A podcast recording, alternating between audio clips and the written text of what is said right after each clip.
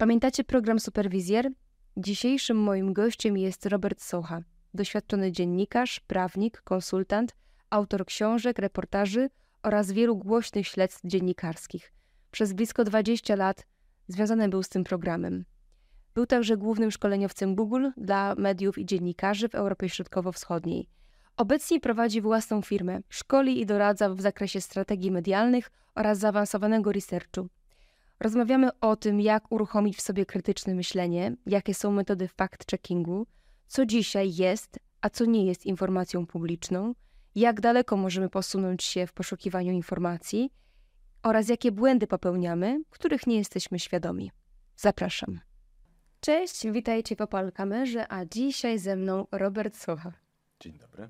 Dzień dobry. Wiesz co, dzisiaj mam dużego stresa, dlatego że jak się obcuję z taką osobą jak ty i, i w ogóle jestem bardzo zaszczycona, że przyjechałeś do mnie, to mm, człowiek nabiera pewnego rodzaju, wiesz, y, kompleksów, ale postaram się wyciągnąć z siebie jak najwięcej i, i też fajnie, że możesz być w takiej roli, bo zawsze to ty byłeś po tej drugiej stronie mikrofonu i zadawałeś ludziom pytania, często niewygodne. E, I powiedz, Robert, jak to się stało, że y, ty nie poszedłeś w biznes, no bo jesteś z wykształcenia prawnikiem.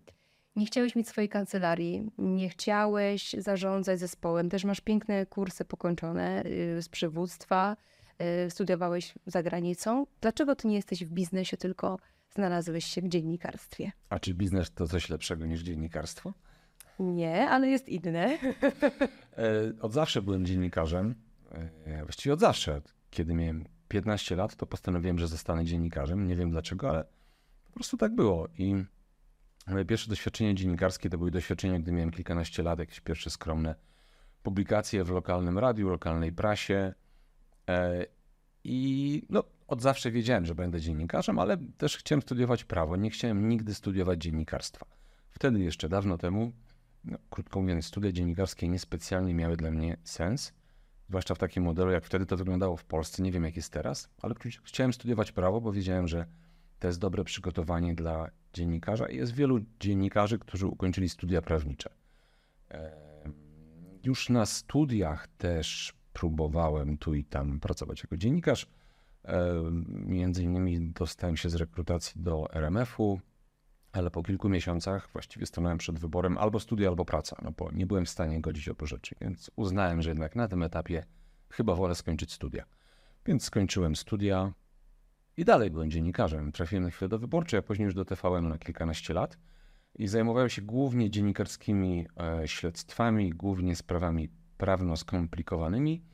I z jednej strony to moje wykształcenie prawnicze, po drodze jeszcze zrobiłem zdałem egzamin prokuratorski i uczyłem aplikację prokuratorską. Rzeczywiście to moje wykształcenie prawnicze było bardzo pożyteczne podczas e, analizy akt, rozmów z prawnikami, prokuratorami, sędziami. Niektórzy rzecznicy sądów i prokurator później żałowali, że nie przygotowali się lepiej do rozmowy.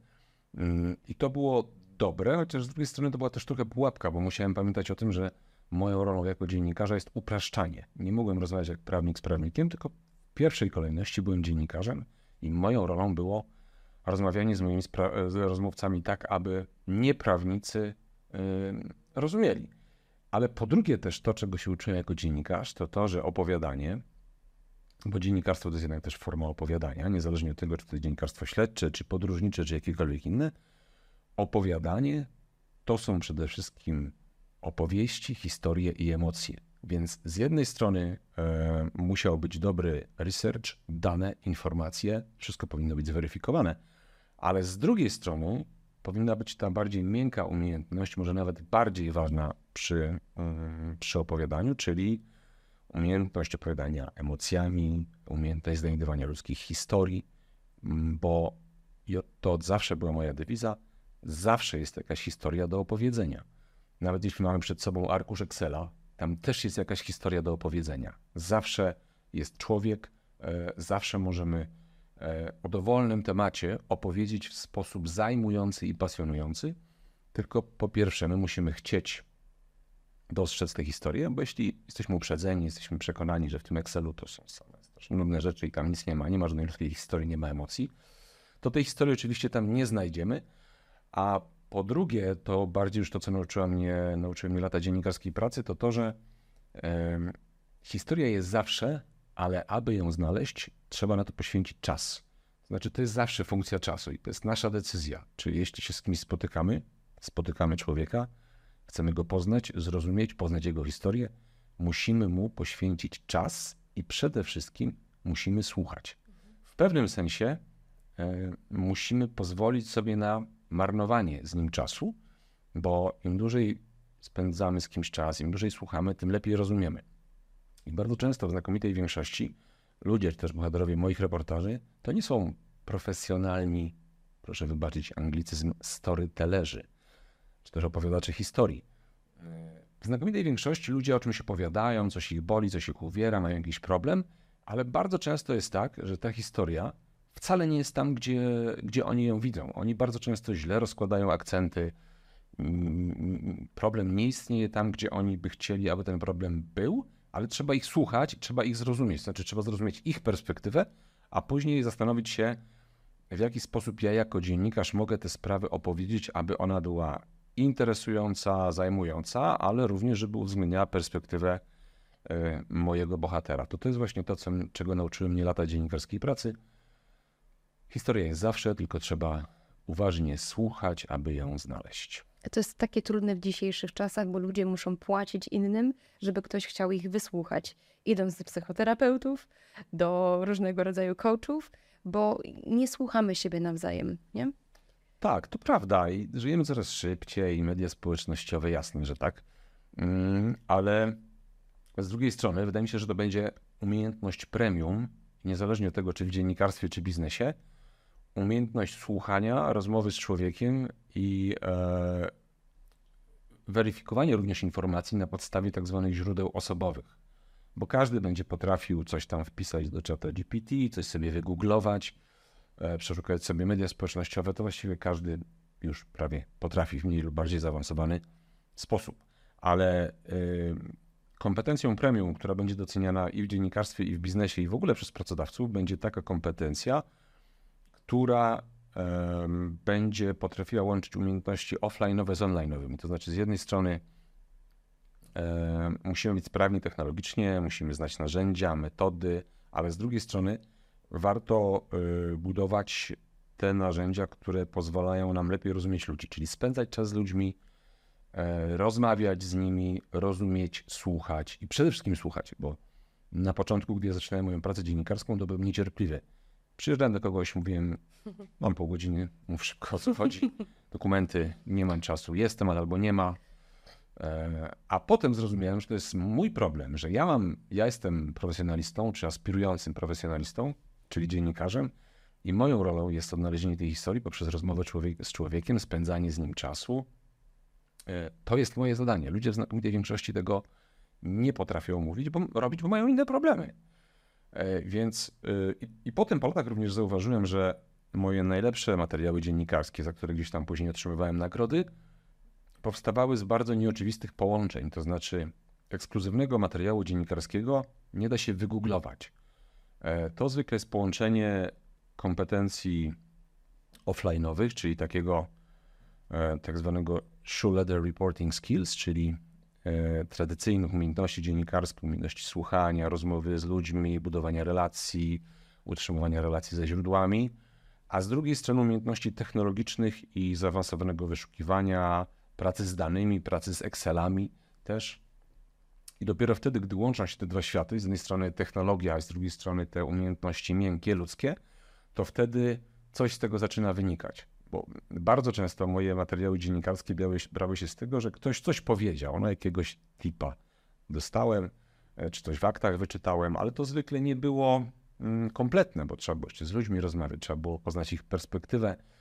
E, często też, właściwie to jest reguła, że tam, gdzie w prasie, czy powiedzmy na portalu internetowym, jeśli dziennikarz pracuje w słowie pisanym, tam, gdzie moja praca by się kończyła, bo mam gotowy tekst czy gotowy materiał, to praca dziennikarza telewizyjnego była jeszcze daleko w lesie, bo teraz trzeba to wszystko przełożyć na obraz, znaleźć bohaterów, e, przekonać ich do mówienia, wysłuchać ich historii, zmontować materiał w sposób na tyle atrakcyjny i dynamiczny, aby był interesujący.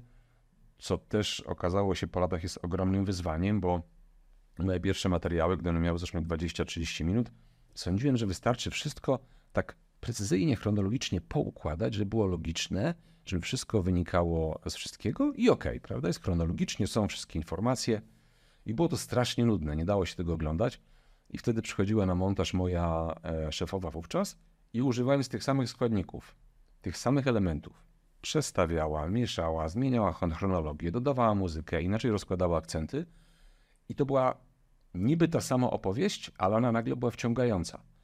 Więc to, to jest ta kolejna, kolejna umiejętność, której się, się nauczyłem jako, mm, jako dziennikarz i ona pewnie ma aplikację w wielu miejscach w życiu. To znaczy, nawet jeśli pracujemy w biznesie e, i mamy prezentację, to nikt nigdy nikogo nie przekonał cyframi, wykresami, numerami. Ludzie kompletnie tego nie pamiętają. Cyfry, numery, wykresy na ludziach nie robią wrażenia. One mogą robić wrażenie na tym, który przygotowuje prezentację. To, co na ludziach robi wrażenie, to e, emocje, opowiadanie historii, czy też tak zwany storytelling, co wbrew pozorom jest dosyć trudne, bo każdy, kto jest ekspertem w jakimś zakresie, najprościej jest mu uczepić się tego, na czym się zna. Pokazać wykresy, statystyki, słupki. A znacznie trudniej jest y, trochę uprościć ten przekaz, jednak opowiedzieć, opowiedzieć historiami, emocjami i tak. Blisko 20 lat prowadziłeś superwizjera. Czy ty miałeś taki moment, że już cię nic nie zaskoczy? Już, już jestem po prostu z tyloma osobami miałem kontakt, z takimi sytuacjami, że nie, nie wywiera to na mnie żadnych emocji. Byłem reporterem w superwizjerze, nie prowadziłem. Znaczy byłem jednym z reporterów. Tak, tak. Jak w każdym zawodzie, im dłużej się w nim pracuje, tym więcej się widzi. I jest z jednej strony ryzyko popadnięcia w rutynę albo w cynizm, chociaż ja z drugiej strony patrzyłem na to, czy zawsze się przed tym broniłem, zawsze starałem się być ciekawy. E, I to jest też taka kompetencja, w której chat GPT nas nie zastąpi. Może pomóc przy researchu, ale w ciekawości ludzkiej nas nie zastąpi. Zawsze starałem się być ciekawy, ale to, co mi doświadczenie dawało na przestrzeni lat, to to, że tak mi się wydaje, miałem lepszą intuicję, lepiej rozmawiałem z ludźmi, więcej widziałem, ale nigdy, ale starałem się nigdy nie uprzedzać, bo też się kilka razy przyłapałem na tym, że ok, ja mam intuicję, już wszystko wiem, pójdę, zrozumiem, a się okazuje, że jeśli zaczynamy rozmawiać z człowiekiem i uważnie słuchamy, to czasami nagle jednak się okazuje, że to było nasze uprzedzenie, że my, że my sobie źle to w głowie poukładaliśmy, że ktoś nam coś mówi, jeśli jesteśmy na to otwarci i słuchamy, to się okazuje, że, że nie, że to jest trochę jednak inna historia niż ja sobie to do tej pory ułożyłem. Zresztą też przez lata pracy nauczyłem się tego, że no, często było tak, że wyłączałem kamerę. Prawdę mówiąc, w mojej pracy dziennikarza śledczego to praca z kamerą była 10% aktywności, bo znacznie większości to było jeżdżenie, budowanie relacji, e, czytanie jakichś akt, dokumentów. E, to był, byłem takim dziennikarskim e, maratończykiem. Nigdy nie byłem sprinterem, nigdy nie pracowałem w busach. Ale zmierzam do tego, że po latach nauczyłem się tego, że jeśli już doszło do wywiadu telewizyjnego i wyłączałem kamerę i nagle opadało napięcie z rozmówcy, ludzie zaczynali mówić i nagle mówili mi kapitalne rzeczy. Ja myślę, kurczę, dlaczego ja tego nie nagrałem? No przecież to, to jest kapitalna informacja. Dlaczego mi tego wcześniej nie powiedział? Więc potem nauczyłem się tego, aby na koniec jeszcze dawać przestrzeń, aby tak szybko tej kamery nie wyłączać, tylko mówić na przykład, czy jest jeszcze coś, o czym powinniśmy porozmawiać?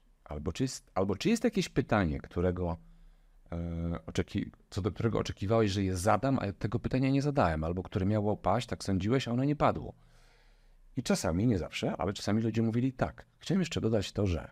I mhm. wtedy w ogóle zupełnie inna historia się otwierała, inna perspektywa, której wcześniej nie znałem. Więc też tego się nauczyłem, aby w ten sposób walczyć z rutyną, czy z takim cynicznym podejściem do mojej pracy. Jak często balansowałeś na krawędzi prawa? O, trudne pytanie, bo. Yy, no, znałeś je dobrze. No, tak, ale bardzo często to diabeł tkwi w szczegółach. Jest takie, jest przed wieków powiedzenie, przyznam się, że nie pamiętam autora, ale prawo jest jak pajęczyna, bąk się przebije, a na muchę wina. Więc można znać prawo, a i tak można mieć problemy z prawem. To jedno drugiego nie wyklucza. E, napisałem nawet książkę o prawie mediów w praktyce dla dziennikarzy. Nie polecam jej, bo już jest mocno zdezaktualizowana w związku ze zmianami prawa.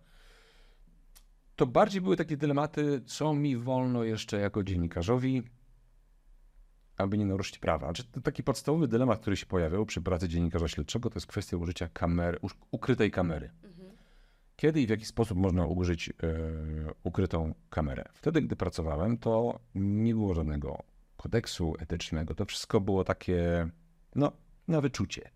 Jak ci sięga pamięcią wstecz, to wydaje mi się, że w wielu przypadkach ta kamera ukryta była nadużywana.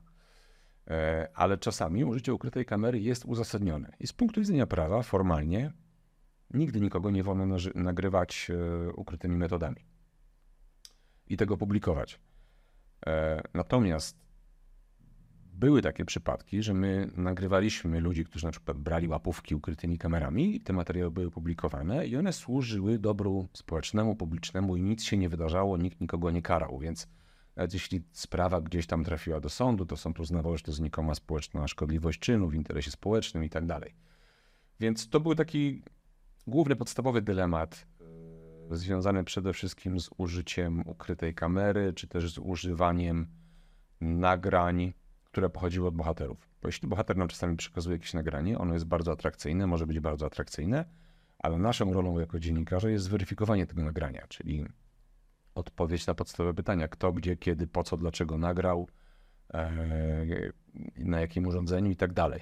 Więc weryfikacja tych elementów też czasami mogła przysparzać kłopoty, ale sądzę, że przez lata się nauczyłem robić tak, aby w wysokim stopniu uprawdopodobniać to, że te nagrania są ok, można ich użyć, no ale jednak czasami na tych nagraniach też były treści, które inne osoby mogły stawiać w świetle no powiedzmy, niesympatycznym. Ale to tutaj nie ma, nie ma jednej reguły, jednej metody, jak sobie z tym radzić. E, czasami też były takie sytuacje, że bohater, e, czy mój rozmówca, coś nagle mówił, nawet podczas nagrania. Bo długo rozmawialiśmy, on się poczuł swobodniej, emocje opadły i coś mówił podczas nagrania, co było bardzo, powiedzmy, delikatne czy poufne, i ja sobie z tego zdawałem sprawę. I to jest taki dylemat, czy użyć tego, to jest atrakcyjne i to jest świetne i to będzie bardzo dobre w materiale. Człowiek jest dorosły, zgodził się, czy jednak nie użyć tego, bo ja mam świadomość tego, że tutaj to, co on powiedział, to było krok za daleko i też może rodzić jakieś konsekwencje prawne dla niego. Więc czasami to były takie dylematy. E, też oczywiście każdy materiał, jak pewnie w każdej szanującej się redakcji przed publikacją jest oglądany przez prawnika czy prawników, którzy czasami sugerują pewne zmiany, pewne poprawki. Mm, aczkolwiek to jest też może być pułapka, bo czasami prawnicy mają takie zakusy, aby wchodzić w kompetencje dziennikarzy i redaktorów i mówić, co i jak zrobić. Więc tego doświadczony redaktor powinien pilnować, prawnik powinien zobaczyć materiał przed emisją, e, powiedzieć, to jest ok, to jest nie ok, to może być niebezpieczne, to zróbcie inaczej, ale nie powinien wchodzić w buty mm, redaktora i sugerować, co konkretnie należy zrobić, bo z takimi sytuacjami też się spotkałem. A miałeś taką sytuację, nie musisz mówić kiedy i jaką, że patrząc właśnie pamięcią wstecz, mówisz, o, tutaj poszedłem za daleko i żałujesz czegoś, że nie zachowałeś tego kręgosłupa moralnego na przykład. Tak, tak, jak pewnie jak w każdym zawodzie i każdy dziennikarz takie ma historię, ale ja traktowałem to jako mm, element uczenia się. Rzeczywiście jasne, że były takie sytuacje, nie chcę, nie chcę o nich mówić. Na początku złego. czy w trakcie? Raczej na początku. Mhm. Tak, tak, ale tu jak każdy, jak jeśli ktoś zaczyna pracę i nie masz mm, dobrego mentora, czy dobrego nauczyciela, czy też ta praca odbywa się tak szybko, że nikt nie zwraca uwagi na jakieś tam niby drobiazgi, no to to się zdarza. I ja sądzę, że u mnie też to się zdarzyło. Oczywiście, że tak. Jasne. Ale myślę, że im byłem starszy, czy im większe doświadczenie miałem, tym, tym więcej takich elementów widziałem i chyba się mniej tego zdarzało potem. Miałeś jakiś mentorów właśnie, jakieś autorytety, którymi się sugerowałeś? Nie, w pracy nie. To znaczy w pracy nie, w mojej redakcji czy w firmie niestety nie, żałuję, ale były to inne media, czy inni dziennikarze, często media zagraniczne, które mnie inspirowały, które gdzieś tam oglądałem i do dzisiaj oglądam. Właściwie nadal mam także większość mediów, które konsumuję, to są media głównie anglojęzyczne. Bo lubię, bo cenię, szanuję i tak do tej pory konsumuję newsy. Co czujesz dzisiaj, jak oglądasz polskie media, jak widzisz dzisiejsze dziennikarstwo? Bo wiesz, no muszę poruszyć ten temat. Yy, nawet rozmawialiśmy, jak się widzieliśmy yy, o, odnośnie Natalii Janoszek, jaka tam była e, afera, która na maksa obnażyła poziom dziennikarstwa polskiego.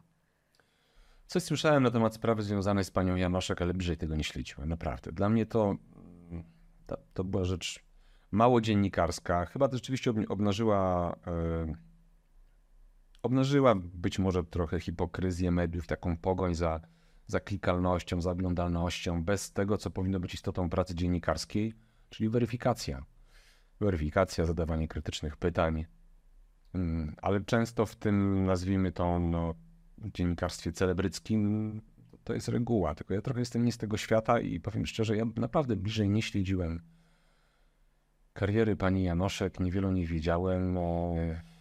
Nie oglądałem filmu, który na jej temat powstał, także niewiele więcej mogę powiedzieć. Mhm. A jeśli chodzi o dziennikarstwo z twojej branży, czyli śledcze, reportaże, które się ukazują?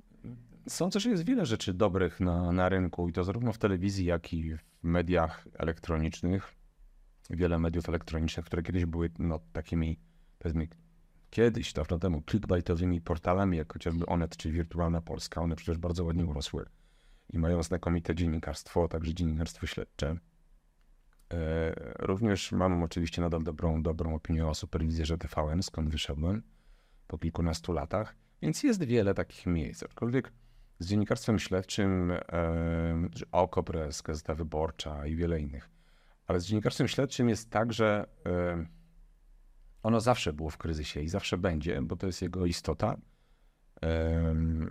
Jest trudne, jest czasochłonne, jest kosztowne, rodzi problemy dla właścicieli mediów. E, z jednej strony dziennikarstwo śledcze to jest fajna łatka marketingowa. Jeśli ktoś zajmuje się opisywaniem e, spraw kryminalnych, to od razu się nazywa dziennikarzem śledczym. Niekoniecznie. E, dziennikarstwo śledcze generalnie w swojej istocie jest trudne, żmudne, nudne, czasochłonne. I to, że nagle dziennikarz publikuje jakiś materiał, który jest atrakcyjny i trafia na pierwsze strony gazet, no to jest nagle 5 mm, minut w świetle reflektorów dla twórcy tego materiału, ale żeby stworzyć ten materiał, zwłaszcza w telewizji, zwłaszcza w superwizjerze, gdy trzeba jeszcze uwzględnić montaż, kamerę i tak dalej, no to to jest czasami 3-4 miesiące pracy albo i y, dłużej. I to jest połączenie wielu wątków, wielu nitek. Y, my nagle potem widzimy, y, ta publikacja jest dla nas zamkniętym materiałem, ale dziennikarz, żeby tam dotrzeć, to musiał odwiedzić wiele ślepych uliczek, był zwodzony. Jego wiedza jest znacznie większa niż to, co opublikował. Zawsze tak jest przy śledztwach, ale publikujemy to, na co mamy potwierdzenie, na co mamy dowody, czego jesteśmy pewni. E, ja osobiście mam ogromną słabość do dziennikarstwa śledczego i uważam, że to jest taka e, sól ziemi, jeśli chodzi o dziennikarstwo.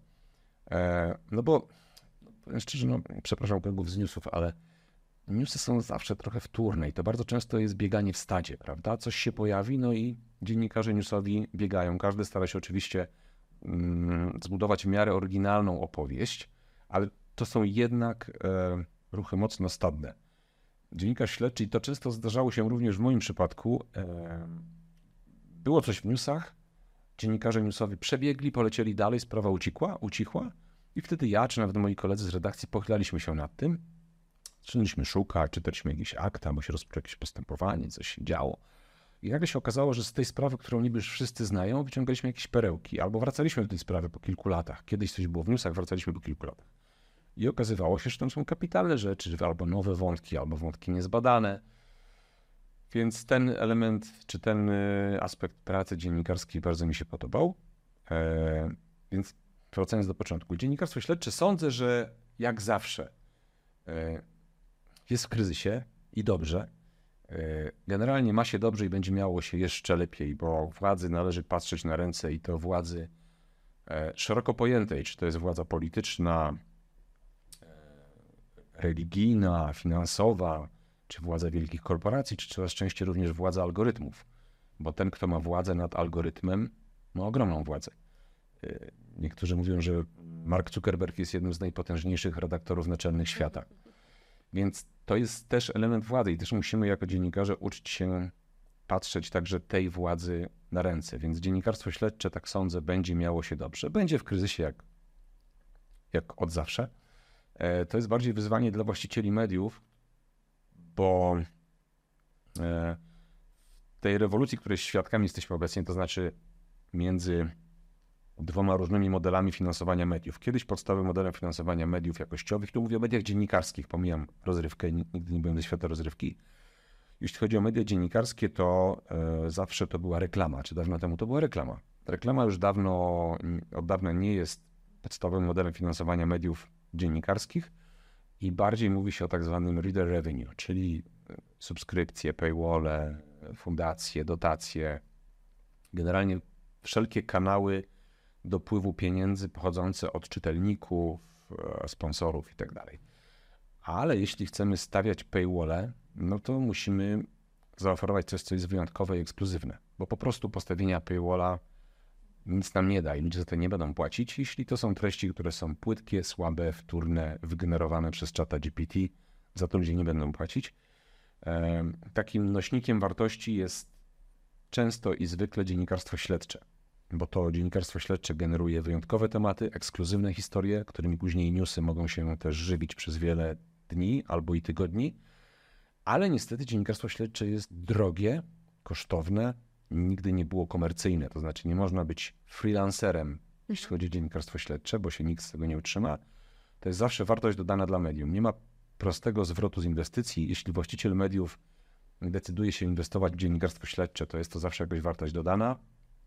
E, nie będzie tutaj prostego zwrotu z inwestycji, bardziej to jest budowa marki, e, nagrody, wyróżnienia, prestiż, a z czasem również budowa takiego przekonania u czytelników, odbiorców, że być może warto płacić za te treści, bo to jest świetne dziennikarstwo, to są wyjątkowe, ekskluzywne treści.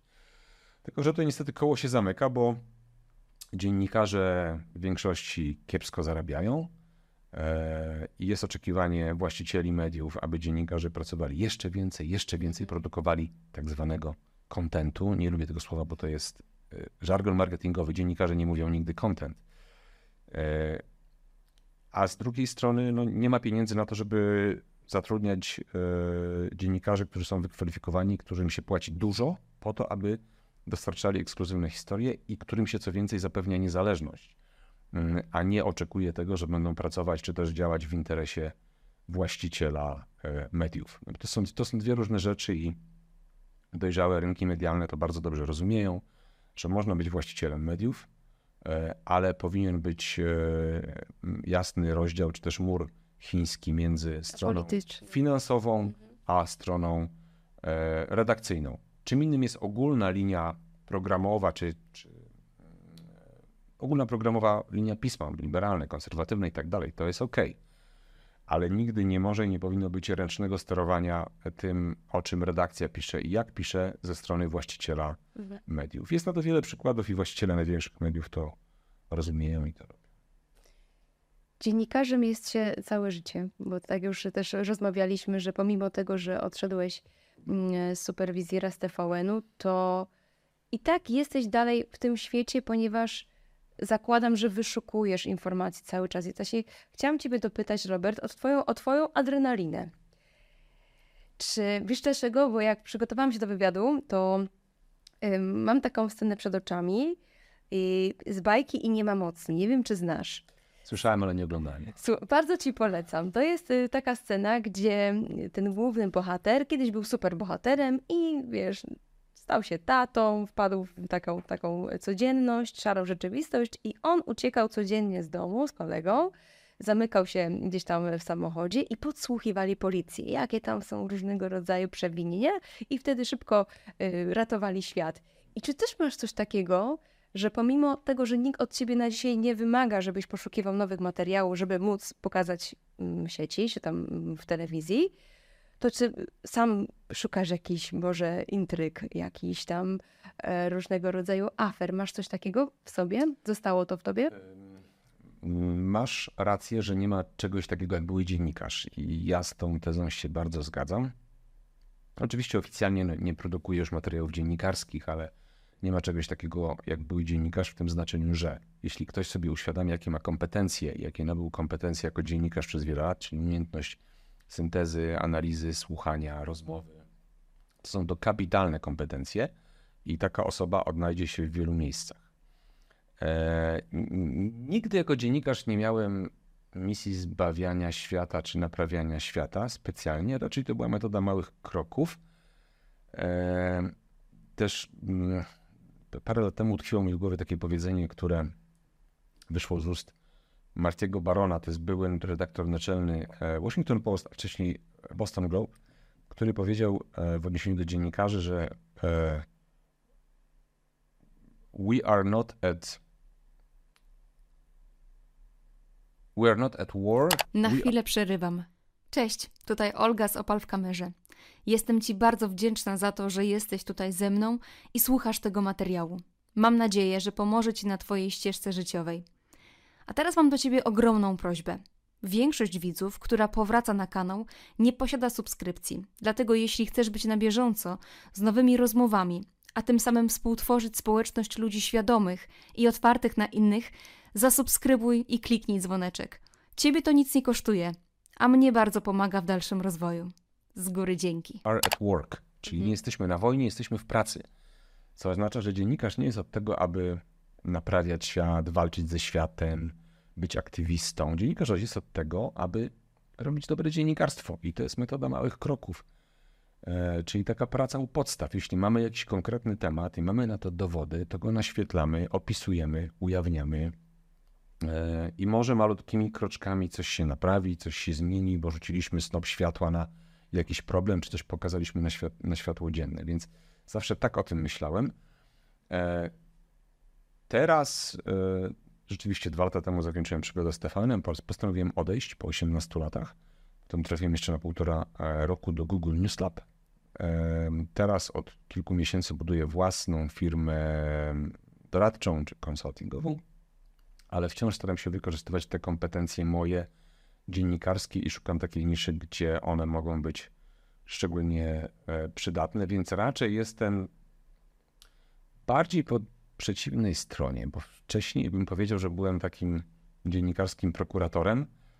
E, Teraz jestem bardziej takim adwokatem, który broni przed sądem opinii publicznej, bo zna reguły tego sądu. Zwłaszcza na styku e, takim, gdy ten sąd opinii publicznej spotyka się gdzieś z sądem prawa. Bo sąd opinii publicznej jest zwykle szybki, sprawny i bezapelacyjny.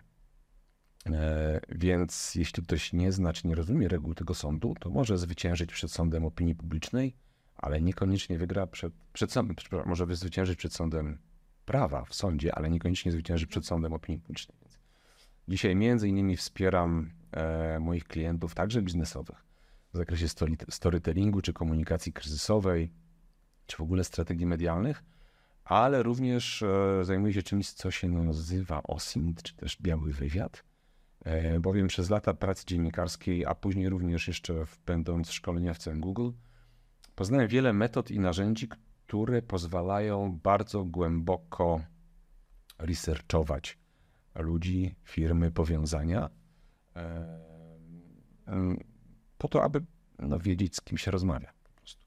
E, Bo mamy do czynienia z takim paradoksem obecnie w naszym świecie, bo z jednej strony coś, co się nazywa privacy paradox, paradoks prywatności. Z jednej strony mamy mm, RODO, ochronę danych i bardzo dobrze, że mamy, słusznie, że mamy, ale po przeciwnej stronie e, mamy coraz więcej informacji, czy takich cyfrowych światów, na podstawie których możemy coraz więcej na nasz temat de facto ustalić. Czyli ten świat cyfrowy nam stwarza to, że możemy bardzo dużo ustalić na temat powiązań między ludźmi, firmami i tak dalej, korzystając z narzędzi open source, z tego, co jest powszechnie dostępne, otwarte, żadnych, niczego nie przełamujemy, nie, nie, nigdzie się nie włamujemy. Mo- Można bardzo dużo ustalić, korzystając z tego, co jest po prostu tuż przed nami, tylko trzeba wiedzieć, jakie oczy, jak, jakie drzwi otworzyć, jakiego narzędzia użyć. I to jest chyba też trochę to, o czym kiedyś dawno temu mówił Ryszard Kapuściński, że dostęp do informacji nie będzie problemem. I rzeczywiście teraz tak jest, że dostęp do informacji nie jest żadnym problemem. O wiele większym wyzwaniem jest po pierwsze umiejętność dotarcia do tych informacji, czy selekcji informacji, e, ale też weryfikacji informacji i wartościowania tych informacji, aby sobie, aby potrafić odróżnić, co jest dobre, co jest złe, aby odróżnić ziar ziarno od plew, e, aby weryfikować, fact-checkingować, tym bardziej, że coraz więcej treści będzie tworzonych, już, już jest tworzonych, również w zakresie dezinformacji, z użyciem sztucznej inteligencji, stąd e, to będzie coraz większe wyzwanie, aby, aby umieć e, docierać do prawdziwych, sprawdzonych informacji, aby umieć docierać do źródeł, aby umieć weryfikować. No i to są właśnie kompetencje dziennikarskie, dlatego nie ma czegoś takiego jak były dziennikarz, które należy łączyć z kompetencjami związanymi z technologią, a także ze sztuczną inteligencją. Mhm. To jest ważne, właśnie do tego zaraz przejdę. Natomiast chciałam Ciebie dopytać, skoro mamy taką łatwość w dotarciu do informacji, to czy dzisiaj wszystko albo większość rzeczy, które piszemy w internecie między, sobą jest informacją publiczną? Nie, oczywiście nie, ale raczej należy zakładać, że prędzej czy później to, co my piszemy w internecie, nawet w naszej poczcie, czy na portalach społecznościowych, nawet czy w zamkniętych grupach, moim zdaniem warto zakładać, że prędzej czy później to będą treści publiczne, albo stosunkowo łatwo wyszukiwalne, albo wyciekną, albo algorytmy sztucznej inteligencji będą na tyle sprytne, że będą w stanie wnikać. Więc zawsze warto sobie założyć to, że aby pisać tak, jak gdyby to było publiczne. Znaczy, jeśli kiedyś to na wszelki wypadek to wycieknie, no to nie, może nie będzie wielkiej szkody. Stąd absolutnie e, ja staram się o to dbać, aby e, publicznie nie ujawniać zbyt wiele informacji o sobie, które są no, gdzieś tam z prywatnej sfery życia i tak dalej. Aczkolwiek zdolny researcher e, potrafi bardzo dobrze poukładać wątki, czy poukładać te puzzle i nawet od kogoś, kto broni się przed udostępnianiem mm, informacji prywatnych szeroko, i tak można dosyć dużo wyciągnąć. Ale chodzi o to, aby tego nie ułatwiać i nie, nie, nie publikować zbyt wiele informacji, których nie musimy publikować. Czy też wciąż zadziwiająco dużo osób ma na przykład otwarte e, konta e, na portalach społecznościowych czy na Facebooku ma otwarte konto. Można wejść z zewnątrz, osoba obca może wejść i widzi życie rodzinne, zdjęcia dzieci i tak dalej. Moim zdaniem to jest duża, duża lekkomyślność i tego raczej bym, e, bym nie robił. Jednoetapowe logowanie tak samo na poczcie. Tak, tak, tak. No to oczywiście kwestia cyberbezpieczeństwa to jest coś, co mnie też bardzo interesuje, ale z bardzo oczywiście praktycznego widze, e, punktu widzenia z racji tego, co robię. Nie jestem z IT, nie, nie, nie jestem w stanie dyskutować e, z informatykiem o konkretnych zabezpieczeniach, ale z praktycznego punktu widzenia rzeczywiście tym się interesuję. I tu masz absolutnie rację, że bardzo dużo osób nadal korzysta z takiego jeśli to w ogóle jest zabezpieczenie, czyli mamy jakieś konto pocztowe i tam mamy jakieś hasełko i jesteśmy zalogowani. No to oczywiście e, z dużym prawdopodobieństwem nasze dane już wyciekły, powiązane z tym adresem e-mail i są portale, gdzie można to sprawdzić. A jeśli nie wyciekły, to kwestią już najbliższego czasu jest to, że te, że te dane wyciekną, bo to są ataki, które są zautomatyzowane i te dane nasze są wykradane, więc warto o to absolutnie zadbać. Tym bardziej, że jeśli się śledzi trendy związane z cyberbezpieczeństwem, to widać, że w ciągu ostatnich e, lat, i tu mogę się odwołać nawet do źródła, jest taki coroczny globalny raport firmy Verizon. To jest amerykański gigant telekomunikacyjny, który publikuje e, taki raport globalny o stanie cyberbezpieczeństwa na świecie. E, w pandemii ilość cyberzagrożeń poszybowała w sufit. Nasze życie się przeniosło do, do internetu i cyberprzestępcy też tam się pojawili. Więc e, cyberprzestępcy też kiedyś się uczą. Jeśli 10 lat temu rzeczywiście wystarczało nam jednokrotne logowanie i co więcej, mieliśmy to, same, to samo hasełko do różnych portali. Sam to Cała rodzina kiedyś, miała to samo hasło. Kiedyś również tę taktykę stosowałem, już od dawna tego nie robię. E, no to jeśli ktoś nadal jest na tym etapie, no to to jest po prostu proszenie się o problemy. Tym bardziej, że nie zdajemy sobie sprawy z tego, jakie mogą być konsekwencje, bo ktoś mówi, ale ja tam nic nie mam na Facebooku, nic nie ma. Ale dostęp do Facebooka to jest też dostęp na przykład do Messengera, gdzie są prywatne wiadomości, prywatne fotografie, jakieś dokumenty, ludzie czasami sobie przesyłają zdjęcia dzieci. Nie wiemy później, gdzie te zdjęcia dzieci trafią, na jakie portale i jacy ludzie co z tymi zdjęciami będą chcieli zrobić. E, więc w ogóle nie należy tego absolutnie e, bagatelizować i mówić, że a ja tam nic nie mam. a czasami metadane też mogą być w ogóle ciekawe, które są gdzieś tam dołączone do, do naszej korespondencji elektronicznej, więc absolutnie natychmiast włączenie dwuetapowego logowania i to nawet coś więcej niż tylko SMS, no bo ten, ten SMS, który przychodzi w drugim etapie, no to już jest dwuetapowe logowanie, ale jest to powiedzmy najsłabsze dwuetapowe logowanie. To które wybrać? E, klucz bezpieczeństwa, czyli fizyczny klucz bezpieczeństwa. Można powiedzieć, że to jest taka, no jest pewna stopniowalność. SMS to jest taki naj, najprostszy sposób. Na drugim miejscu jest aplikacja uwierzytelniająca. Ich jest wiele, typu Google Authenticator lub wiele innych. One są bezpłatne, ale najlepsza metoda to jest, to jest klucz bezpieczeństwa, czyli odziwiająco nadal bardzo mało popularna metoda w naszym kraju, czyli takie malutkie urządzenie, które przypomina pendrive. Ledger? Taki? Ale Ledger? To tak jak, jak USB, jak Mhm, tak, mhm, coś mhm. takiego. Osoby, które I mają są- krypto, to też używają takich. I są, są różni, różni producenci tego, takich narzędzi, więc też nie, nie rekomenduję konkretnych. Można je kupić online za kilkaset złotych i wtedy to polega na tym, że w pierwszym etapie logowania podajemy nasze hasło, a w drugim etapie logowania konto mówi, a teraz włóż klucz bezpieczeństwa, ten konkretny, który wcześniej autoryzowałem i go dotknij.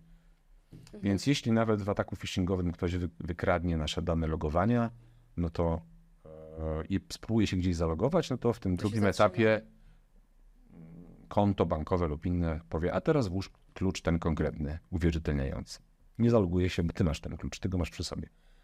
Bo jeśli będziesz jako osoba, nie wiem, zajmująca strategiczne stanowisko w firmie atakiem, celem, celem ataku sama w sobie, nie będzie to zautomatyzowany atak, tylko hakerzy powiedzą, ha, chcemy się dostać do twojego konta, zadadzą sobie bardzo dużo trudu. Jeśli będziesz miała tylko logowanie poprzez SMS, no to jest szansa na to, że można sklonować kartę SIM, czy jakoś tam w inny sposób przejąć kontrolę nad twoim telefonem. Nie jestem z IT, ale wiem, że jest to e, wykonalne, jeśli bardzo się chce.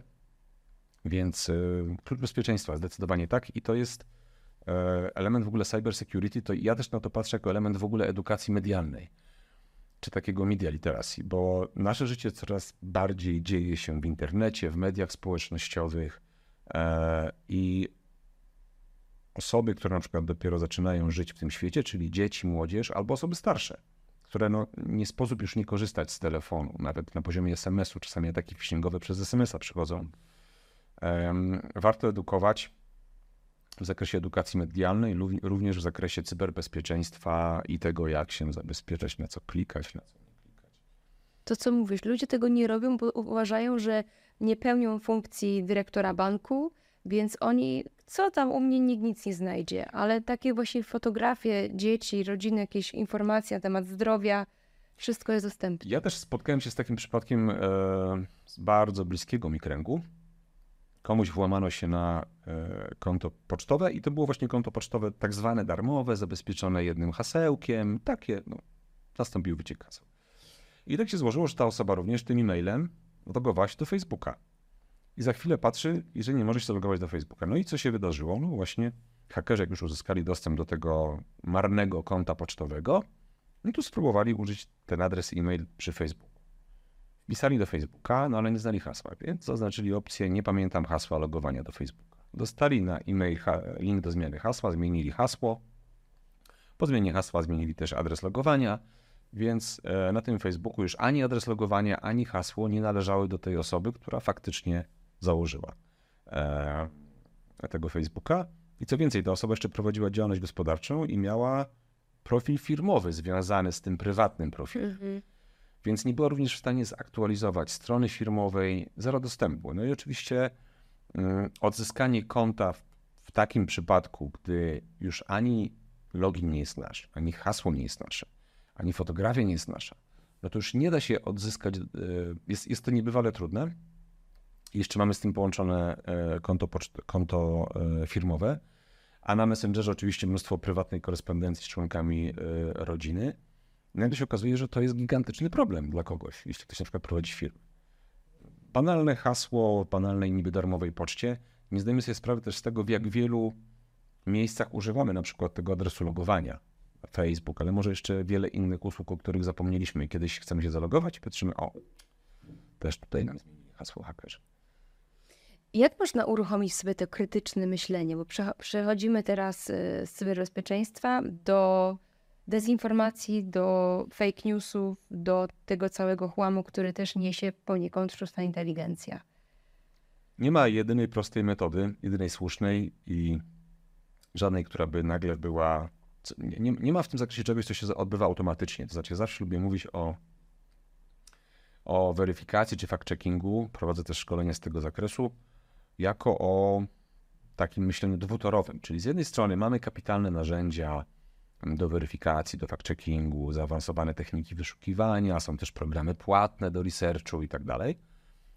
Czy nawet tak banalna rzecz jak odwrócone wyszukiwanie obrazem, czy w ogóle wyszukiwanie obrazem, które jest też kapitalne do weryfikacji treści wizualnych, ale na nic nam się to zda, jeśli nie będziemy potrafili tego łączyć z kompetencjami krytycznego myślenia, czyli musimy wiedzieć, dokąd zmierzamy, dlaczego coś robimy, coś skąd wynika i tak dalej. Czyli z jednej strony jednej strony technologia, ale z drugiej strony nasze krytyczne myślenie. I dopiero wtedy, jeśli potrafimy łączyć te dwie kompetencje, to będziemy w stanie weryfikować i fact-checkingować.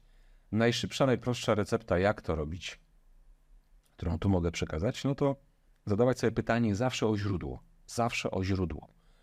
E, czasami kogoś pytam, czy ktoś coś mi mówi, że o czymś widział, czy coś słyszał. Ja mówię, no ale gdzie, gdzie, ty, gdzie to słyszałeś? No na Facebooku. Ale co to znaczy na Facebooku? Znaczy, może to prawda, może jeśli na Facebooku to za tym stało jakieś źródło wiarygodne, dziennikarskie, okej, okay, może to prawda. Ale na Facebooku to mi nic nie mówi. Więc zawsze warto sobie zadawać pytanie o źródło. Kto to powiedział, skąd to wynika, kto to potwierdza. Natomiast jeśli coś na mediach, coś w mediach społecznościowych się pojawiło i coś rzekomo wyciekło, albo ktoś do czegoś dotarł, jeszcze jest to ujawniane po raz pierwszy na koncie, które zostało dopiero co założone, albo ma jakiegoś awatara jakieś fejkowe imię, nazwisko, no to raczej nie należy w takie historie oczywiście wierzyć. E, druga metoda, poza tym, że oczywiście pytamy o źródło, to też można takiego, takiej podstawowej metody dziennikarskiej użyć odpowiedzi na pięć pytań, czyli tak zwane 5W. To, co, gdzie, kiedy i dlaczego. No, mamy jakąś informację i sobie zadajemy, zadajemy to podstawowe pytanie, czy ja jestem w stanie na to odpowiedzieć, kto, co, gdzie, kiedy i dlaczego.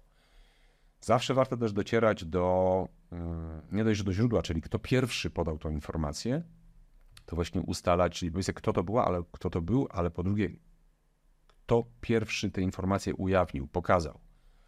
To są czasami proste metody, bo jeśli są treści jakieś wizualne, no to wystarczy to wrzucić w grafikę i posortować od najstarszych i widzimy na przykład ta fotografia, gdzie, kiedy, w jakim kontekście po raz pierwszy się pojawiała. Niekoniecznie dotrzemy od razu do źródła i będziemy pewni, co to za fotografia albo co ona przedstawia, ale czasami to może być wystarczające na tym etapie, że uprawdopodobnimy e, sobie, że to, co widzimy teraz, to jest nieprawda, bo ta fotografia ta ona była widoczna w określonym kontekście już 10 lat temu w sieci. Tak było na przykład z zatopieniem krążownika Moskwa czy Moskwa. E, wielki rosyjski krążownik, e, który został zatopiony ileś miesięcy temu, rok temu, przez. E, został zatopiony. Nie wiem, czy Ukraina się tego oficjalnie przyznała, czy nie, ale został zatopiony rzeczywiście. Ale zanim, gdy rozpoczęła się inwazja rosyjska w Ukrainie, krótko po tej inwazji, po rozpoczęciu inwazji, pojawiło się gdzieś w mediach społecznościowych takie wideo, jakoby widzimy na nim tonący krążownik Moskwa. I rzeczywiście jakiś wojskowy okręt tonie. Ale wystarczyło zrobić proste wyszukiwanie obrazem, czyli zrobić sobie parę print screenów, e, wrzucić to do grafiki, posortować od najstarszych i e, można było łatwo ustalić, że to nie jest krążownik Moskwa, tylko to jest e, film sprzed 20 lat i rzeczywiście chyba na jakichś ćwiczeniach brytyjskich czy amerykańskich zatonął jakiś okręt pod, wojskowy. E, więc prosta, banalna metoda i często gdy jako główny szkoleniowiec Google'a w Europie Środkowo-Wschodniej podróżowałem po Europie albo spotkałem się w Polsce z dziennikarzami, między innymi szkoliłem w zakresie e, zaawansowanego researchu, wyszukiwania, weryfikacji, czasami dziennikarze mówili, no dobra, dobra, fajne te narzędzia, ale czy mógłbyś pokazać coś bardziej zaawansowanego? E, I prawda jest taka, że bardzo często naprawdę nie potrzebujemy bardzo zaawansowanych narzędzi. Bo to jest właśnie kwestia tej wagi. Tu mamy technologię, a tutaj nasze krytyczne myślenie. Na nic nam się nie zda ta, ta technologia, na nic nam się zda ta technologia. Możemy sobie kupić Mercedesy, ale jeśli nie wiemy, jak tego używać, to dalej będziemy jeździć po polnych dróżkach. Więc bardzo często, aby weryfikować, wystarczają relatywnie proste metody, tylko musimy my wiedzieć, dokąd zmierzamy i czego szukamy. To też oczywiście wynika z jakiegoś doświadczenia e, życiowego i jakiejś perspektywy zawodowej czasami. Ktoś inaczej patrzy na pewne aspekty, gdy jest policjantem, prokuratorem, sędzią albo dziennikarzem. Więc, e, ale to nie są złe perspektywy, bo przy weryfikacji czy przy zaawansowanym researchu nie ma czegoś takiego jak jedyna słuszna droga. Każda droga jest dobra. To tak jak z układaniem puzli. Niektórzy zaczynają od ułożenia sobie ramki na zewnątrz, niektórzy od środka, niektórzy od specyficznych elementów. Na końcu ten obraz nam się ułoży. Więc yy, którędy tam dojdziemy, jakich narzędzi użyjemy, ma to drugorzędne znaczenie, o ile jesteśmy w stanie potem logicznie wytłumaczyć, dlaczego i skąd to wynika. Warto też yy, weryfikować wynik naszych poszukiwań, korzystając z różnych narzędzi. Na przykład yy, jesteśmy bardzo przyzwyczajeni oczywiście do, do wyszukiwarki Google, która jest najpopularniejsza w naszej części świata. Ale jeśli chodzi o grafikę, to na przykład Bing sobie świetnie radzi, więc e, warto pamiętać o tym, że e, są, jest wiele innych wyszukiwarek na świecie. Warto o tym pamiętać, że jeśli na czymś nam bardzo zależy, coś bardzo chcemy zweryfikować, to warto użyć właśnie tych kilku innych perspektyw, czy też na przykład kilku innych wyszukiwarek, szukając na przykład w grafice, bo za każdym razem dostaniemy trochę inny wynik. I wtedy porównujemy, prawda, nieprawda, składa nam się to razem czy nie. Zawsze warto w ten sposób myśleć. Ale też opowiadałeś o tym, jak się akurat widzieliśmy, że mm, wyszukujesz nie znając języka, wiadomo, po jakichś innych krajach, jak to, my, czy my też możemy to samodzielnie robić? Jak tak, do tego no podejść? To, no to są właśnie te, te banalne metody, bo e, to może brzmieć jak coś bardzo zaawansowanego, ale akurat to, o czym wspominasz, czyli umiejętność robienia researchu w dowolnym kraju, w dowolnym języku, to jest coś tak banalnego i możemy to zrobić właściwie teraz, w tej chwili, gdybyśmy otworzyli laptopa. E, jak to zrobić? Wystarczy um, znajomość e, zaawansowanych ustawień wyszukiwarki. Wszędzie wyszukiwarki, i to nie tylko e, Google, pozwalają nam na mm, na przykład zaznaczenie kraju, w którym chcemy wyszukiwać po IP, prawda? Nie wiem, z jakiegoś powodu prowadzimy biznes i chcemy coś przeszukać, załóżmy we Francji. Nie znam francuskiego, jestem w Polsce. Jak nagle mam przeszukać francuski internet? Ustawiam sobie kraj, Francja, czyli chcę szukać wyłącznie we francuskim internecie. No, język do tego mogę dodać wyłącznie po francusku. Zakres czasowy aktualizacji strony, czyli powiedzmy ostatni rok, żeby to były w miarę świeże informacje. No i szukaj. No i trzymuję jakiś wynik po francusku i jeśli to jest na przykład y, przeglądarka Chrome, mhm. prawym klawiszem myszy tłumaczę na E, automatycznie na mój język, e, czy na jakikolwiek inny język, mogę na polski, mogę na inny. To będzie oczywiście automatyczne tłumaczenie. One może nie być w 100% poprawne, ale będzie wystarczająco dobre, aby zrozumieć o co chodzi, e, co to za, za informacje. Jeśli to będzie dla mnie coś szczególnie ważnego, co wymaga uwzględnienia jakiejś lokalnej specyfiki, to pewnie i tak będę musiał wynająć na miejscu jakiegoś konsultanta i jemu zapłacić. Ale wydajmy go do tego, żeby mi zrobił kilka ostatnich kroków. Nie będę go wynajmował do tego, aby mi zrobił research internetowy, bo to, to ja sobie potrafię sam zrobić, yy, będąc w Polsce i pijąc kawę, nie znając nawet francuskiego. Wtedy się z nim spotykam i mówię, słuchaj, ja już wiem to, to, to i to i tutaj punktowo musisz mi sprawdzić tylko te elementy na przykład. Nie? I to ułatwia, przyspiesza sprawę. Chat GPT jest również kapitalnym narzędziem do researchu. E, sam używam i chwalę sobie, ale E, ja myślę o czacie GPT, bo każdy używa tego narzędzia na swój sposób. Dla mnie to jest po prostu szybsza wyszukiwarka, która się myli, kłamie czasami.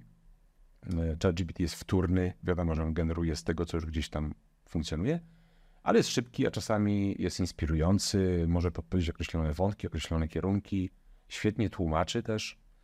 E, lepiej chyba niż Google, Google Translate nawet. Więc to jest też takie narzędzie, którym można się posługiwać. Albo jak chcesz zrobić research w innym kraju, możesz zapytać czata GPT.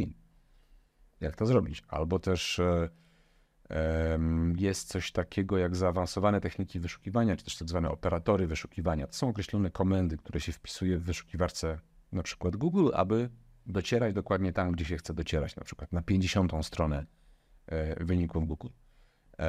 Można mm, czatem GPT hakować Google, to znaczy pytać czata GPT, hej chat GPT, czy możesz mi ułożyć operatory wyszukiwania do takiego i takiego zapytania, czyli nie wiem, chcę wyszukać we Francji coś z takiego zakresu, daty takie i takie, uwzględnij to i to, pomiń to i to. I mi ułoży określoną frazę, którą robię kopiuj w klej, wrzucam do wyszukiwarki Google W ten sposób hakuję e, Google'a czatem GPT. Super. Jak daleko możemy się posunąć do wyszukiwania informacji? Bardzo daleko. Bardzo daleko e, do granic. E, prawa? Do granic prawa, tak. No i co no wtedy? Bo, e, no i wtedy jest dylemat e, prawno-etyczny. Czy idę dalej, czy nie. Ja tam nie chodzę. Tam, gdzie się zaczyna e, działanie niezgodne z prawem, ja tam nie, z prawem nie zaglądam, ale każdy, kto zajmuje się e, tak zwanym OSINT-em, czy zaawansowanym wyszukiwaniem, czy białym wywiadem, wie, że Darknet jest kopalnią informacji. E, samo zajrzenie do Darknetu, czy sobie przeglądanie Darknetu nie jest przestępstwem, każdy może to zrobić, aczkolwiek warto oczywiście uważać, e, warto sobie włączyć VPN-a, i parę innych zabiegów zastosować, ale na poziomie researchu to jest tak, że w Darknecie jest mnóstwo informacji, mnóstwo baz danych, które gdzieś tam wyciekły, zostały skradzione. Twoją, twoją decyzją jest to, czy, czy chcesz z tych materiałów korzystać, czy nie, bo na przykład dostęp do bazy danych, która jest wycieknięta w Darknecie i sobie tam leży, klientów jakiejś firmy na przykład, dostęp do bazy danych jest przestępstwem. To znaczy nikt, nie można zaglądać do bazy danych, danych, do której nie jest się uprawnionym, aby, aby zaglądać. I nieważne, czy ona jest z darknetu, czy ją znaleźliśmy na ulicy, nie mamy prawa tam zaglądać. To jest przestępstwo, więc to jest e, tego typu dylemat, ale jeśli pytasz o granice, to tak, to można pójść aż tak dalej, że można zrobić research w darknecie i znajdziesz tam treści, które są skradzione, które są nielegalne, ale które mogą dotyczyć ciebie albo twoich konkurentów. Tak. Właśnie o to chciałam zapytać, czy możemy sprawdzić, czy informacje o nas, o naszej firmie wyciekły? Możemy. Mhm, w ten właśnie sposób. No i co wtedy? Jeżeli widzę, że już weszłam do tego darknetu i widzę, że są wycieknięte, to co wtedy? Niewiele chyba możesz zrobić, bo też nie wiesz, nawet jeśli one są wycieknięte, wycieknięte w darknecie, to nie wiesz, gdzie one zostały zmultiplikowane, kto ma kopię, ile jest tych kopii. Y, bardziej należy zapobiegać, to znaczy to tak jak z komunikacją kryzysową. O wiele lepiej przełożyć akcent na etap przygotowania i zapobiegania, niż reagować wtedy, gdy kryzys się wydarza y, i on już po prostu jest. Więc jeśli już tam znajdujesz swoje dane, no to mm, bardziej, lepiej to potraktować jako nauczkę czy lekcję na przyszłość i lepiej zabezpieczać swoje dane, lepiej o nie dbać, czy może mniej udostępniać e, danych w sieci. To już są takie e, tego typu raczej e, dylematy. Zawsze lepiej zapobiegać, lepiej się przygotowywać niż gasić pożary. A gdzie możemy szukać informacji albo wsparcia, żeby ktoś zrobił taki audyt naszego bezpieczeństwa? Bo my się na tym możemy nie znać. No to ja, ja się tym nie zajmuję. Jak wspomniałem, jestem, ja mam bardziej perspektywę dziennikarską, nie jestem geekiem, nie jestem z IT, ale są firmy na rynku, które się tym zajmują w zakresie cyberbezpieczeństwa, ale to wymaga raczej już kompetencji informatycznych, więc nie chcę tutaj polecać konkretnych, ale tak, są takie firmy. A y, czy masz coś takiego albo miałeś, że znalazłeś jakąś informację y, w sieci i uważałeś, że ona powinna ujrzeć światło dzienne i na przykład dałeś komuś cynk znać, że hej, warto o tym zrobić materiał? Jesteś też takim sorcerem? Nie przypominam sobie teraz. Dobrzy dziennikarze sami potrafią też to wyszukiwać, więc jeśli yy, dobremu dziennikarzowi się podpowie, yy, słuchaj, zobacz, co tu możesz znaleźć i tak dalej, to on sobie sam to znajdzie. Nie przypominam sobie takiej sytuacji. Ale generalnie powiem szczerze, że naprawdę bardzo dużo można ustalić korzystając e, ze źródeł powszechnie dostępnych, e, nawet bez zaglądania do darknetu. Mnóstwo można ustalić, albo nawet czasami korzystając z tak banalnych narzędzi jak Google Alerts. Bo właściwe ustawienie sobie alertów, e, nie wszyscy wiedzą, że też Google Alerts można używać w powiązaniu z operatorami wyszukiwania właściwe ustawienie sobie alertów pozwala na monitorowanie naszej, naszej marki, naszego nazwiska, czy monitorowanie naszych konkurentów, albo monitorowanie określonych rynków według określonych słów kluczowych. Banalne narzędzie, ale ono naprawdę może nas czasami poinformować o czymś, na co byśmy nigdy nie wpadli. Ja też miałem taki przypadek, ustawiłem sobie pewną ilość e, alertów dla jednego z moich klientów, któremu doradzam. E, I oczywiście te alerty sobie przychodziły. To zwykle jest tak, że 90% tych alertów kasujemy, kasujemy, kasujemy, to nie ma znaczenia, to wiem. Ale nagle wpadł alert i on dotyczył e, pewnej publikacji w pewnym kraju, w języku, którego nie znam, ale tak się złożyło, że ten alert dotyczył e, kontrahenta mojego klienta. I to był artykuł prasowy, duży, obszerny, solidny w pewnym medium. E, ja sobie byłem w stanie automatycznie to przetłumaczyć, podesłałem to klientowi i do, dla klienta była bardzo istotna wiedza. Mimo, że on by nigdy na to nie wpadł, bo to w zupełnie innym kraju była duża publikacja w otwartym internecie. Więc czasami tak banalne rzeczy naprawdę potrafią nam wiele dać. Jestem absolutnie zwolennikiem tej tezy, że e, nie trzeba bardzo zaawansowanej technologii do tego, aby, e, aby umiejętnie weryfikować. Gdzie taką wiedzę można posiąść? Właśnie o tych narzędziach, o których ty wspominasz. Rozumiem, że ty się tym dzielisz. Um, też na, właśnie na LinkedInie bardzo fajnie prowadzisz, przeplatasz ten ko- content, chciałam powiedzieć. Jak powiedzieć na tej treści? Treści. treści prawnicze ze światem y, dziennikarskim, w ogóle z tymi y, informacjami, ale tam jeszcze pojawia się u ciebie storytelling.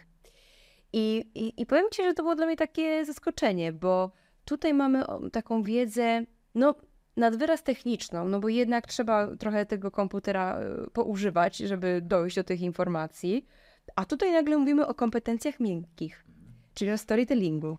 To się wszystko absolutnie pięknie łączy dla mnie, e, bo jak sobie właśnie byśmy wyobrazili taką wagę, której na początku mówiłem, czyli jeśli chcemy być e, skutecznymi, proszę wybaczyć, znowu ambicyzm, komunikatorami, to po pierwsze, z jednej strony musimy mieć naszą eksperckość, czyli to, co jest twarde, narzędzia, metody, weryfikacja, fact-checking, Excel, dane, to musi być z tej strony. Ale e, jeśli chcemy skutecznie komunikować, czy wywoływać jakąkolwiek, jakąkolwiek zmianę, na przykład jako sprzedawca, który chce za, za, za, zachęcić do sprzedaży produktu, do kupna produktu, czy prezes, który chce zachęcić inwestorów do inwestowania w firmę, to te dane no, może kogoś przekonają, ale aby porwać inwestorów, czy aby porwać klientów, to trzeba opowiadać historię, e, znajdywać w tym wszystkim emocje i dopiero wtedy łączenie tych dwóch kompetencji e, ma sens.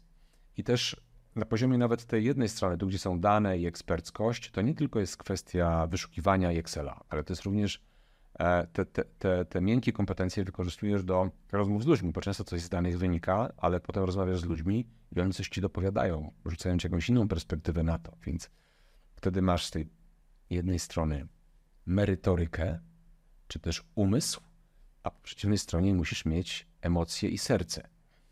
Ludzie nie pamiętają mm, slajdów PowerPoint, nie pamiętają. Jestem zwolennikiem jak najmniejszej ilości slajdów i aby jak najmniej na nich było w ogóle napisane, bullet pointy są zakazane. Zdarzało mi się robić takie prezentacje, ale są bardziej prezentacje do czytania. To znaczy, jeśli wiem, że ktoś chce, żebym ja wysłał, to czasami robię niestety bullet pointy, ale jeśli to jest rzeczywiście występ publiczny, którego, e, no, który jest przekazywany werbalnie, ustnie, no to bullet pointy są zakazane. To w ogóle im mniej na slajdach, tym lepiej, im mniej slajdów, tym lepiej. Może powiedzmy, czym jest bullet point, bo ktoś może nie wiedzieć? No, czyli wy, wyliczanie w kropeczkach, e, można napisać 1, 2, 3, 4, albo kropeczki robić i coś tam listujemy na, e, na slajdzie. Im mniej slajdów, tym lepiej. Im mniej napisane na slajdach, tym lepiej. E, o wiele lepiej, więcej. Lepiej się przygotować na poziomie właśnie storytellingu, emocji, opowiadania historii i ta historia jest zawsze, absolutnie zawsze, bo niektórzy mówią, no ale co ja, co ja powiem, no w mojej firmie dopiero zaczęliśmy, e, co ja mogę powiedzieć, nie znam się na tym, boję się. Więc ta historia jest zawsze, tylko to jest kwestia rozmowy i czasami to jest tak, że ta historia się pojawia, to może być jeden, dwa, trzy epizody na przykład związane z założeniem firmy albo z moimi początkami jako marki osobistej e, i zaczyna się budowanie wokół tego. I w ten sposób ten storytelling to jest kapitalna, kapitalna sprawa, bo jak spojrzysz na, y, na największych światowych liderów albo liderów biznesowych, to, to byli zawsze znakomici storytellerzy. Jako jedną z ikon zawsze przygo, przywołuje się na przykład Steve'a Jobsa, który mhm. kapitalnie opowiadał. Ja też pamiętam kilka lat temu, podczas pobytu w Stanach, na, jakimś, na jakiejś konferencji, Rozmawiałem z e, inwestorem z Nowego Jorku, bardzo zaawansowanym, starszym inwestorem z Nowego Jorku, który inwestuje w startupy. E, I on, ja mówię, no dobrze, ale jaki jest najczęściej poziom, jaki jest problem, czy jest jakiś poziom ze storytellingiem, z tymi pitchami? Jest coś takiego jak pitch letter, prawda? Czyli ja mam startup albo mam pomysł na firmę i przychodzę do takiego inwestora, mówię, daj mi pieniądze, bo mam świetny pomysł. I on mówi, zawsze, zawsze jest ten sam problem, że po pierwsze, ludzie do mnie przychodzą i w pierwszej kolejności mówią mi o tej fantastycznej technologii, jakie ma parametry, jaka technologia i tak dalej. Czyli mówią właśnie o tych twardych danych, o tym, na czym się znają, mówią o merytoryce. A on mówi, a co mnie to interesuje? Ja chcę wiedzieć, jaki problem oni mój rozwiążą, jaka historia za tym się kryje, jakie emocje. Po drugie, jeśli do mnie przychodzą, to zawsze mają ten sam list, ten sam pitch letter, e, niezależnie od tego, do kogo idą i gdzie idą. Prawda? Natomiast kluczem do dobrej komunikacji jest e, indywidualizowanie przekazu w zależności od tego, do kogo mówisz, gdzie mówisz, jak mówisz, ile masz czasu i tak dalej. A to jest też element storytellingu. Jeśli chcesz umieć opowiadać historię, no to musisz wiedzieć, czy mamy dwie godziny, czy mamy 15 minut, czy mamy 30 sekund.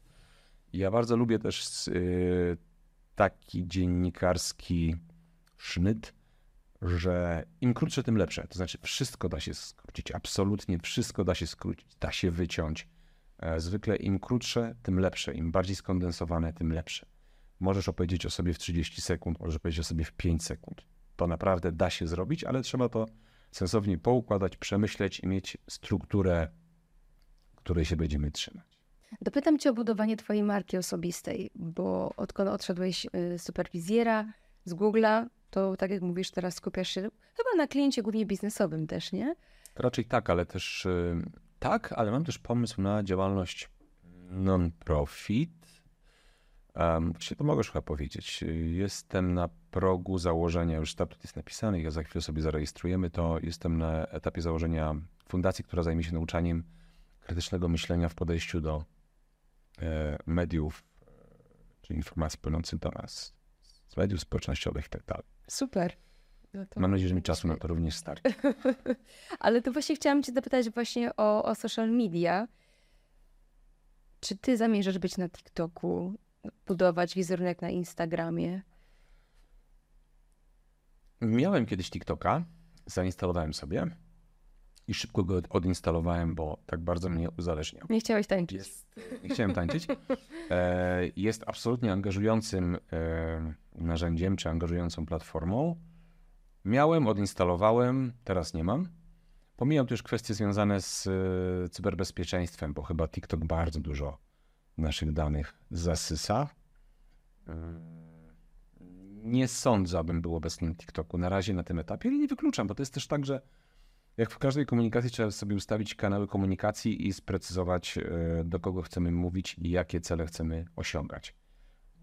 Nie wiem, Instagram, TikTok, może na tym etapie cenię i szanuję e, LinkedIna, bo jest dla mnie ba formą bardzo takiej jakościowej informacji. Rzeczywiście e, platformą, która pozwala budować wizerunek ekspercki, ale też docierać do ekspertów i gdzie autentycznie jest, no jest tam oczywiście popelina, ale jest wiele też czy wiedzy, czy informacji, które są pożyteczne, które cenię, szanuję, więc na tym etapie nie wiem, czy...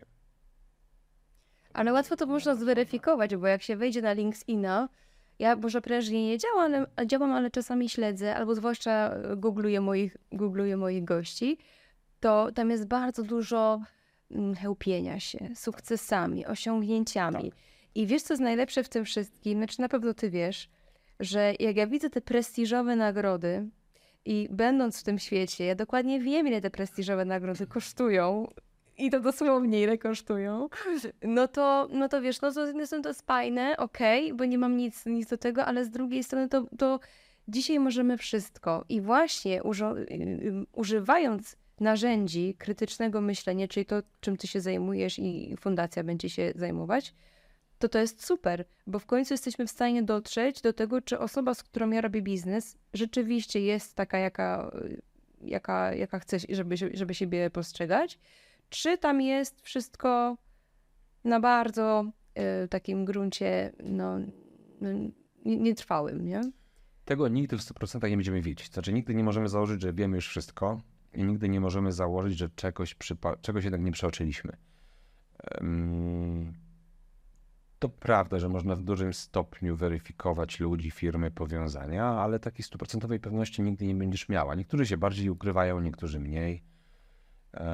Ale tak, to jest możliwe. Aczkolwiek też mm, ten świat cyfrowy to jest tylko jedna strona tego wszystkiego, bo na przykład w przypadku powiązań biznesowych to kapitalnym źródłem informacji jest KRS, ale papierowe akta KRS. Bo oczywiście KRS jest cyfry, scyfryzowany, jasne, świetnie e, i warto korzystać, korzystam, ale jeśli mam czas, to warto też pójść do, i robiłem tego dziennikarz wielokrotnie, warto pójść do czytelnika KRS, wziąć sobie papierowe akta, bo tam jest mnóstwo takich okruszków, które z punktu widzenia sądu czy prawa może nie mają kompletnie znaczenia, ale z punktu widzenia researchu czy badania jakichś powiązań, one mają ogromne znaczenie. To znaczy, może być jakiś adres e-mail, E, mogę sobie tam w pewnym zakresie zweryfikować ten adres e-mail. Może być w tym adresu, adresie e-mail jakaś domena firmy, która na przykład już nie działa. E, mogę sobie podejrzeć e, stronę internetową tej firmy, albo jak ona wyglądała wiele lat temu, czyli zajrzeć do archiwum internetu. Może być jakiś adres korespondencyjny. Mogę sprawdzić, mm, co to za adres, jakie firmy są tam zarejestrowane, do kogo, do kogo należy ta nieruchomość. Też mogą z tego wynikać jakieś nieoczywiste powiązania biznesowe, które nie będą, nie będą widoczne cyfrowym KRS-ie. Więc ja bym absolutnie nigdy nie zapominał o, o świecie offline'owym, bo online czy te narzędzia technologiczne są kapitalne, świetne, ale zawsze należy pamiętać też o tych kompetencjach offline'owych, jak papierowe akta, czy rozmowa z ludźmi i umiejętność słuchania ludzi. To jest chyba płatne też, nie? Y, te dojście do tych. Nie, nie, papierowe. E, nie? Czytanie KRS jest bezpłatna. E, każdy ma tam prawo zaglądać, czytać, przeglądać, także można chodzić i oglądać. Dobrze, to pod koniec zapytam, czy jest jakieś pytanie, które myślałeś, że się pojawi? A, a go nie było, albo czy jest jakaś rzecz, którą byś chciał jeszcze uzupełnić? Y, jeśli coś mi przyjdzie do głowy, to się zgłoszę ponownie do ciebie, bo bardzo miło mi się z tobą rozmawiało. Bardzo, bardzo dziękuję i jeszcze będę od razu w imieniu widzów prosiła o wypisanie tych narzędzi. Jak, y, dobrze, to przekażesz albo ja napiszę w opisie, albo w komentarzu, bo na pewno, na pewno będzie masa pytań odnośnie tego, y, żeby jeszcze raz spisać dokładnie z czego Zapraszam można na szkolenie korzystać. do mnie, ale uchylę rąbka tajemnicy. Oczywiście też będą mm, podlinkowania do ciebie, więc tutaj będzie można ciebie znaleźć. Bardzo Ci dziękuję, bardzo tutaj wielki zaszczyt dla mnie i, i tak w ogóle muszę powiedzieć, skąd my się znamy. To jest siła networkingu. Tak, tak, to prawda. I pozdrawiamy Łukasza z tego miejsca, który nas połączył w Krakowie, więc stwierdziłam, że wow, nie no, taka osoba musi u mnie wystąpić. Jeszcze jak Robert zaczął opowiadać o tych narzędziach, jak tam kogoś wyszukiwał, w sensie to było coś niebywałego. Ja mówię, no to zapraszam do Katowic, bo mamy blisko. Chcę powiedzieć, że to, co robisz, to jest tak naprawdę przyszłość mediów również, bo to jest właśnie e, radio na żądanie. Radio na żądanie i telewizja na żądanie. Tak, dokładnie. Nie ma tu za dużo rozrywki, przez co trochę przegrywamy takim, taką, takimi wartościami, takimi treściami, ale myślę, że ci, którzy chcą, którzy sobie to cenią, to będą oglądać. Dziękuję za rozmowę. Dzięki i wszystkiego dobrego dla Was. Do zobaczenia.